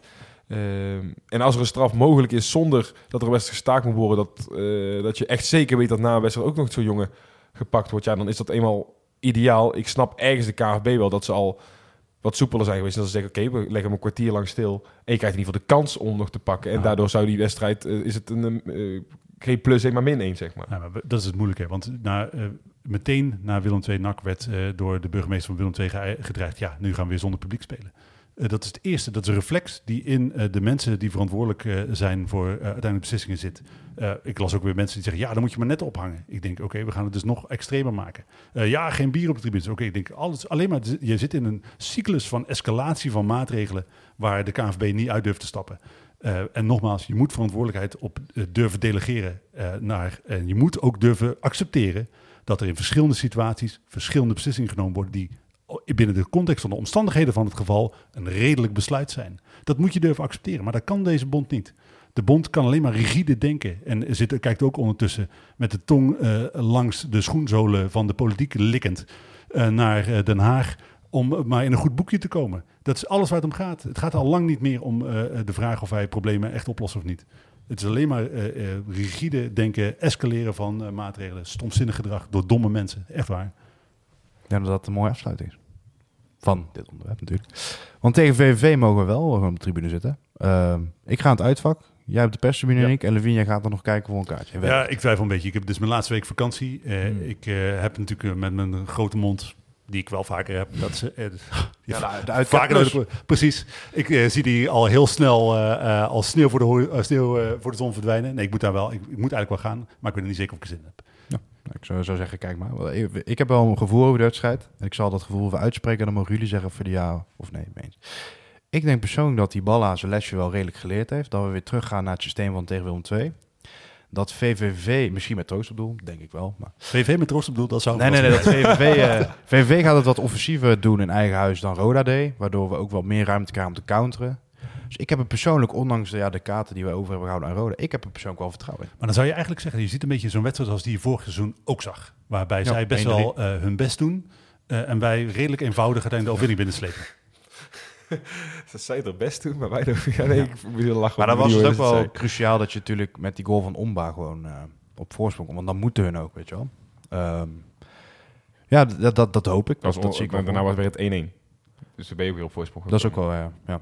Maar ja, ik had wel het idee dat, dat ze daardoor een beetje uit, eh, uit de tent werden gelokt. En ja, uiteindelijk, die, ja, Als wij met, met de kont tegen onze eigen 16 kunnen spelen en kunnen gokken op eh, counters, dan eh, maken wij een supergoeie kans. Dus op het moment dat zij offensief spelen, dan weet ik vrij zeker dat wij gaan winnen. Als wij het zelf spel moeten maken, dan zie ik ons een heel groot probleem krijgen. spelen we dan dezelfde opstelling volgens jullie? Of laten we even de wijzigingen, troost misschien dan. Ah, de vraag is een beetje, denk ik, ook achterin wat je gaat doen. Hè? Kemper eh, is volgens, die viel natuurlijk ook in. Die is best wel hersteld. Ja. Eh, ga je die op de bank houden als grote aankoop? Ik vind het nog steeds een stomzinnig idee om eh, hem voor Wernersson te wisselen. Ik vind Wernersson een betere linksback dan dat ik Kemper vind. Maar je moet wel keuzes gaan maken. Zou Kemper niet centraal kunnen komen spelen als Kuko eventueel samen met Jan, wel twee linkspoten, maar... Ik zou het, maar goed, dat heeft hij al een keer uitgeprobeerd tegen Eindhoven. Wat ik denk ik eigenlijk wel onze beste wedstrijd van het seizoen vond, ondanks het feit dat we die verloren. Als je kijkt naar hoe het eh, spel eh, was. Ik vond, vind het helemaal geen gek idee om weer eh, met eh, eh, eh, Kemper en Martina, als die gelegenheid zich voordoet, te gaan spelen. En Van den Berg op zes. Dat is denk ik uiteindelijk de beste opstelling. En dan vet naar de bank. Vet naar de bank. ja. Ik zeg gewoon de opstelling van tegen Willem 2. Ja. Vanuitgaande dat, dat Kuko erbij is, maar dat, dat is nog even... En ook in de opstel van twee zou je natuurlijk nog kunnen kiezen om dan, net als tegen Eindhoven van den Berg, eventueel. Maar als, als Cuco zeg maar, met hangen en wurgen die wedstrijd haalt, vind je dan dat je hem op moet stellen? Ja, hangen, je, kunt, je, je kunt het nooit inschatten. Dit is hangen en burger, natuurlijk niet. Ik vind wel dat ze daar... Eén, voor één wedstrijd moet- kun je me rust geven. Inderdaad, als je daarna gewoon de rest van het seizoen zou kunnen spelen. Maar je, je hangen en burger is zo'n breed begrip. Nee, maar ik ik bedoel meer, eh, het lijkt er, wat ik al eerder zei, op dat, dat Martina best wel opgebrand wordt. Eh, zo, zo zie ik dat. Hij, hij redt, wedstrijden, redt het einde van wedstrijden vaker niet dan wel. Eh, moet je niet een beetje voorzichtig met hem omspringen? Ja, ik, ik, da- dat moet Ja, je dus intern wel gaan bekijken. Ik wou zeggen, ja, tuurlijk moet je voorzichtig met een speler omgaan. Eh, maar ik weet, ik, ik weet de situatie niet. Ja, dat kun je, dit is zo koffiedik kijken, dat kun je niet zeggen. Ja. Want ja, het is tot nu toe, als je heel eerlijk bent, hij is nu drie, vier keer uitgevallen. Altijd volgens mij als we 4 Ja, dat was nog een complot eh, dat jij vond, toch, Jannie? Zeker, dat, eh, dat viel wel op inderdaad. En daarom, nee, ik zeg blij bij de opstelling van Willem 2, daar kan, zou ik me prima mee kunnen leven. Ja, dat betekent dus ook met die veldbezetting. Dus Kuipers Ja, ja, 10. ja, precies. oké, ja. Ja. En, als, En dan eh, troosten in de goal. en mocht Hugo niet spelen, wie is dan voor jullie vervanger? Besseling, Kemper? Camper. Ja, ik denk dat het meest logisch is. Camper Want- en Jan dan. Ja. En dan moeten we even uitvechten samen wie dan eh, de rechtercentrale wordt. Ja, dat is even... eh, ja, klopt. Dan, eh, ja, ik heb er op zich al wel zin in. En meestal doen we dan ook even voorspellen. Maar voor we gaan voorspellen, dan eh, is het toch wel een spannend moment. Ah, jij wilde het voor de uitzending vertellen, maar ik wilde dat niet weten. Dus ik ben nu al benieuwd. Ja. Oh ja. Eh, we hebben inmiddels namelijk een, een tussenstand. Kijk, en wij voorspellen dus elke week... ik zal er één keer langs gaan. De ruststand krijg je één punt voor. De eerste doelpunt te maken krijg je één punt voor. De goede einduitslag, die, eh, daar krijg je drie punten voor. Is iemand dat al gelukt? Nee. Oh, oké. Heb jij de winnaar goed, eh, maar niet de, de uitslag. Dus eh, stel jij zegt eh, 3-1 voor NAC en het wordt 4-1. Wat dus ook is gebeurd bij 2. Dan eh, krijg je één punt. Dus er zijn er totaal vijf punten. Eh, nou ja, wij hebben... Er is nog nooit iemand geweest bij ons, want we zijn niet heel goed, moet ik zeggen. Er is nog nooit iemand bij ons geweest die meer dan één punt in een, eh, in een wedstrijd heeft, eh, heeft gehaald. Ja, ik weet dat ik in mijn eigen radioprogramma ook onderaan sta bij voorspellen. Dus ik, Oh, nee, wacht. voor mij is dat geen verrassing meer dat, dat het voor mij niet lekker Ja, lukt. ik heb, ik heb één keer twee punten, dat is dan. Ik had eh, tegen Jongen Z, Janusek en eh, de goede winnaar. En voor de rest, ja, ik ik, zal... niet, ik, ik heb ook wel eens, ik, moet- volgens mij heb ik al een paar keer, de, ik heb Janus goed gehad. Nee, je hebt nooit eh, in één wedstrijd eh, het Oh, dus heb ik alleen maar de, de doelpunten maken, maar niet de... Ja. Dat heb je een beetje om en om. eh. Dus laten we maar snel naar de uitslag, eh, of in ieder geval de tussenstand gaan. Eh, onderaan, gedeelde onderaan de plek, Thijs 1 en Yannick met twee schamele punten. Dus eh, tot nu toe... Eh, is Ga maar gewoon verder hoor. Ik- We luisteren gewoon naar jou, eh, We- Thijs. We, we- zitten al over het uur, hè, dus vooral niet veel aandacht in dit besteden. we kunnen 25 punten hebben en je, je staat op 2. dan op plek 2, dat eh, ben ik zelf, met 4 punten. En op plek 1 staat Levine met 5 punten. Dus één keer de uitslag goed hebben en ik, ik zag gewoon weer bovenaan. Ja, het is nog het is hartstikke spannend. Maar eh, ja, dit is wel waar Volks wel een beetje bang voor was. Dat, dat we het echt zo'n het puntaantal zo laag. Dus we zijn een beetje. Het seizoen is geen sprint, maar een marathon. Dat is wel.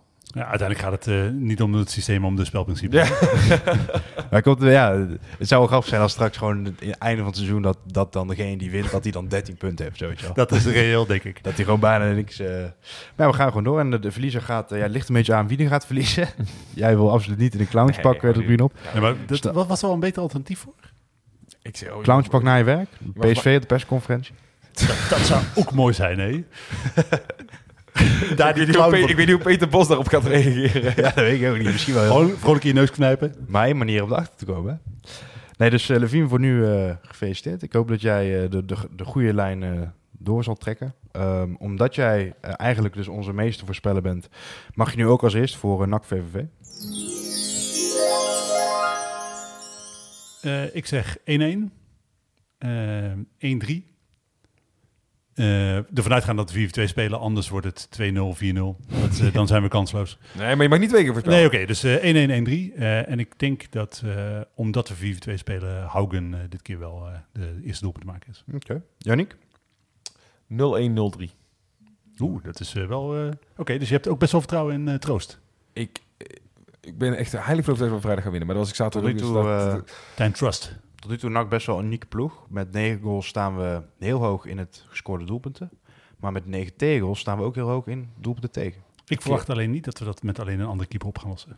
Maakt niet uit. Het was gewoon 0-1-0-3. En wie was jouw eerste doelpunt te maken? Ja, dat is ik eens even over na te denken. Ik, ik, ik, moet even toelichten waarom ik vorige week afgestapt ben van Jan van den Berg. Ik heb, ik, ik heb Jan gefeliciteerd met zijn doelpunt. Ik zei, ja, sorry Jan, ik had wel gehoopt dat het de eerste doelpunt was. Dat, dat is ja. natuurlijk als eerste ja. dat bij punt opgeleverd. Had ik in ieder geval niet laatste gestaan nu. Maar Jan begreep nu wel dat ik nu wel even van hem af kon stappen. Nu is de eerste goal gemaakt dat ik in ieder geval uh, een andere doelpunt te maken kan kiezen. Dus ik kan nu net als vorige week voor uh, Seju gaan. Seju, helemaal goed. Uh, Thijs 1 die heeft nog niet gereageerd. Die is denk ik heel druk met... Uh, ja, ook onze voorspellingen nog niet doorgeven dan? Met piramides bekijken volgens jou. Nee, nee, we, ja, met de piramides bekijken. en dan uh, zeg ik, uh, ik ga ook voor 0-1 rust. En ik ga voor, uh, laten we zeggen, 0-4 eindstand. Zo! Omdat ik, ben, ik ben een keer uh, okay. in de koel geweest en toen werd het ook 0-4. Toen scoorde Hamouts uh, van echt 36 ah, dat is mooi goal, ja. Ik dacht, ik al voor gek verklaard zou worden met mijn 0-3, maar... Nou, kijk, Ja, ik, Nee, maar- wat ik ook zou Hey. kunnen doen, omdat, en jij ook, Levin, omdat jij natuurlijk, wij staan natuurlijk boven Thijs en Yannick, we zullen, kunnen ook de hele tijd hetzelfde zijn als zij. Nou, dat is gewoon, dat is, dat is gewoon zielig. Kunnen ze nooit. eh, Nee, dan verdien je het echt op in een clownspak. Oh, ja, dan weet vind ik dit precies. En de eerste doelpuntenmaker eh, Het is, eh, kwaliteit. is Leemans. Oké, dus dat wordt dan een vrije Oh, trap. zo.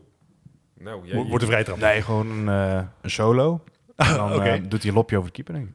Oké, oké. Nee. Specifieke voorspelling dit. Tegen zijn oude club, hè? Dus op zich... Nee, eh, daarom, daarom ga ik ervoor. En dan Ja, eh, is de, Thijs is wel 1, die mag nog eh, wel voorspellen. Ehm, en dan hebben we nog, eh, ja, ik weet niet, eh, vorige week hadden we een iets kortere uitzending. Dus ik laat heel jullie. dat mooie... eh, Wil je nog iets van Ex-NAC eh, benoemen? Want we hadden een paar dingetjes. Nou ja, op, zich- ik was natuurlijk eh, eh, eh, op vakantie en ik dacht, eh, hoe zou het met Mark Birigiti gaan? We hebben toch wel de podcast over keeperschap bijna, dus... Precies, hoe zou het met Mark Birigiti gaan? En toen ontdekte ik niet zo goed. Zijn eh, club Dundee United heeft eh, manmoedige pogingen gedaan om hem eh, te slijten voor het einde van de transferperiode. Hij heeft ook geen rugnummer gekregen Want, zwaar. Ze zijn gedegradeerd. Hij is een dure kracht en hij is niet zo goed. Zijn ze inmiddels in Schotland ook achter. Eh Farcical werd zijn optreden meer dan eens genoemd. Maar ze hebben geen nieuwe club voor hem gevonden. Er is niemand die hem wilde hebben en zijn contract ontbinden, daar lijkt hij zelf nog niet zo heel happig op. Eh, dus hij zit nu voor een, eh eh, ja, laten we zeggen, een beetje de, de Winston Bogarde van Dundee United te zijn. Hij zit gewoon, zonder dat hij kans maakt op speelminuten, Ja. zijn geld te vangen. Maar toch heeft die Banak ook, eh, is hij ook van ver teruggekomen. Was die ook... eh, Blijkbaar kan hij het alleen eh, in eh, Australië. dus het, het, dat Gatje Dame het daar leuk heeft gedaan, zegt eigenlijk niet zoveel. Nou, hij heeft het in Australië echt wel goed gedaan. Bij grote clubs. Maar oh, buiten de landsgrenzen op een ander werelddeel kan hij het blijkbaar niet. Blijven we eventjes bij keepers nog. eh Verbrugge keepte niet bij Oranje. Verrast voor jullie? Jammer vooral. Vind ik ook, ja. Ah, wie weet volgende periode, hè? Want Koeman durft er niet hard op uit te spreken Vlekken. dat eh Vonden jullie Vlek het nou wat? eh, eerste doelman blijft door die fout die hij maakte eigenlijk tegen Ierland. Vond een beetje wijfelend optreden. Überhaupt ook buiten die... eh, maar ja, En het maakt inmiddels niet meer uit. Hè. Het is natuurlijk zo dat Vlekken als basisdoelman bij Bournemouth gestart is. En dat eh Verbrugge pas... Eh, eh, sorry, Brentford toch? Ja. Ja, sorry. Maar dat Verbrugge er nu pas eh, een paar wedstrijdjes bij Brighton in staat, dat weet ik wel zeker. Eh, dus wellicht dat dat... Hè, Ah, weet je wat ik wel een beetje heb, en dat zou ik zo leuk en mooi vinden, is dat... En het is, het is, ook dat is een gok natuurlijk. Als je nu Verbrugge erin zet, en hij doet het gewoon goed zoals we hem Verbrugge kennen eigenlijk, om gewoon gezien hebben bij Anderlecht en nu bij Brighton Ja. zijn ze voor me ook heel tevreden over hem. En hij doet het goed. Heb je wel een 19-jarige doelman die gewoon echt... eh, 21, hè? Eh, 21, ik dacht niet. Ja. Ook zo- Iets, oh, Maar alsnog- maar alsnog Heb je wel 21 jaar doen, maar waarmee je gewoon 12 jaar eh, en vier eindtoernooien... eh, het? langer zelfs, Zes, hè? zes eindtoernooien mee vooruit kan eigenlijk, als hij het goed zou doen. Dat zou van de Sarri misschien wel. Donnarumma scenario, hè? ja, precies. ja. Dat, daar hoop je op met Verbrugge inderdaad. En Dat, daar geloof je ook echt wel in. Misschien omdat we natuurlijk ook met een soort eh, bepaalde Bredaanse bril... eh, Het is niet zo dat we het niet voorspeld hebben dat dit zou gebeuren, hè? Bedoel, Nee, maar Van Hooydonk blij- laat nog even afweten. hè. Die, eh, dus even wachten tot Ja. die... eh, in Ja, de dat, het jammer dat hij die geen transfer gemaakt heeft. Anders was het een kwestie van tijd geweest voordat hij... Want we hebben ook geen spits bij Nederland zelf al. Nee, daarom. Dus dat, je hebt het toen voorspeld. Dat heb je ook voorspeld. Dus, eh, Van interview, dat gaat niet over nakken, maar interview met Wout Weghorst gezien. Vond ik een leuk interview. Oké. Zeker een Voor de kijkers thuis. Oh, de luisteraars trouwens. Kijkers, eh, zullen we Ik weet niet waar ze kijken. Misschien naar het plaatje van uh, Tikkie naar het zuiden. ja, daar staan ze. Nee. Ehm, even snel. Eh Ex-NAC, ook ex-VVV. Eh, er heeft een zekere trainer in Nederland geen contact meer met eh, zijn technisch directeur. Over wie heb ik dan? Kan er maar één zijn, hè? Onze Maurice. Ton Lokhoff. Oh nee. Ah, ja.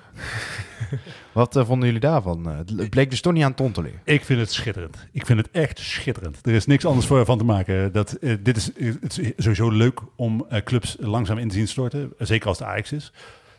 En als daar iemand als Maurice Stijn, toch wel de, de kwade genius in veel verhalen in Breda... eh, als hij daar een, eh, een hoofdrol in vertolkt. Ik vind dit mooi om te zien. Ik eh, hoop dat het nog veel verder implodeert dan nu. Ik vind het wel een beetje sneu. Ik heb niet zoveel met Mislintat, maar ik vind het wel een beetje sneu voor hem. Want hij steekt echt zijn nek uit door een trainer aan te stellen waar niemand vertrouwen in had. Toen heeft hij nog een paar keer in persconferenties en interviews allemaal lopen verdedigen. Van ja, dit en dat, we vinden hem toch wel goed. En, Helemaal eens, maar maakt zichzelf ook niet makkelijk. Hè? Als hij Noah Lang en Serginho Dest had gehaald, was er niks aan de hand geweest. Had hij zoveel trainers kunnen ontslaan als hij het gewild. Nu heeft hij ja, toch wel... Ja, maar ik vind het wel al een leuke versterker. Maar ja, ik ben natuurlijk geen Ajax-sport. Ajax-sport is natuurlijk misschien iets anders. Maar ik vind bijvoorbeeld zo'n zo'n Akpom en zo, dat vind ik allemaal wel gewoon Nee, maar je, je weet het, origineel. je weet dat het straks misschien zo is dat over een jaar of twee dat mensen... over een jaar of twee eh, gaan die gasten veel geld opleveren, maar dan zit hij natuurlijk al lang thuis. Mislintat of Stijn? Eh, allebei. Allebei, ja. oké. Ja. bij de Telegraaf zegt nu al, hè.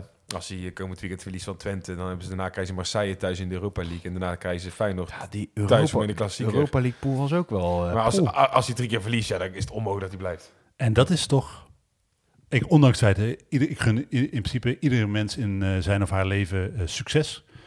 Maar sommige mensen gun je wat meer succes dan anderen. Ik vind het wel mooi als Stijn met zijn grote mel eh, uiteindelijk straks daar zit. Zul je zien dat nu ik dit zeg, dat het gaat lopen daar. Dat hij fluitend kampioen wordt en zijn penis nog een keer tegen mijn gezicht aanswaffelt. Dat hij dat talloze malen gedaan heeft. Dan, eh, Ik vind dit wel het moment om af te gaan ronden. nee, nee, maar ik heb nog wel een leuke. Want Oh, die hebben we God. vorige week niet eh, benoemd. Eh, een, een nieuwe rechtsbuiten is geboren. Of in ieder geval iemand Oh, die ja. erachter is gekomen dat hij toch rechtsbuiten is. Michael Maria. Dat is natuurlijk wel het oude nieuws, maar omdat we vorige week geen ex-NAC hebben gedaan. Ehm, dat is dus een speler en die is altijd linksback geweest. Toen werd hij bij NAC ineens middenvelder. En nu zegt hij in een soort van zelfverkooppraatje, ik ben een rechtsbuiten. Maar dat is fantastisch. Hij heeft dus altijd naar de opstelling, hij heeft ondersteboven naar de opstelling gekeken. Hij denkt, ah, linksback. Ah nee, dat is toch rechtsbuiten. ik, ik, ik, ik sprak de auteur van het artikel dat geschreven heeft, eh, Rick. Wist hij ook dat Maria een... Nou ja, ik zei, ik zei zo, Rick, is dit een tikfout? Hij zei, nee, dat heeft hij echt gezegd. En ja, en ook ik had wel laatst zoiets van, oh, oké, bijzonder. En, eh, ja, ja, je kunt het niet anders zeggen. Het woord bijzonder is het enige wat ik eigenlijk kan, uit kan brengen op zo'n Als, je al een tijdje zonder club zit, ga je alles proberen. Dat is wel zo. Als, als, als het als linksback niet lukt, nee, nee, nee, ik was altijd er rechtsbuiten. Maar ik Gewoon kijken of dat wel lukt. Hij is op proef geweest bij de Graafschap deze zomer. Ik ben wel benieuwd op welke positie. Ja, misschien dat, dat hij daar dus achter is gekomen.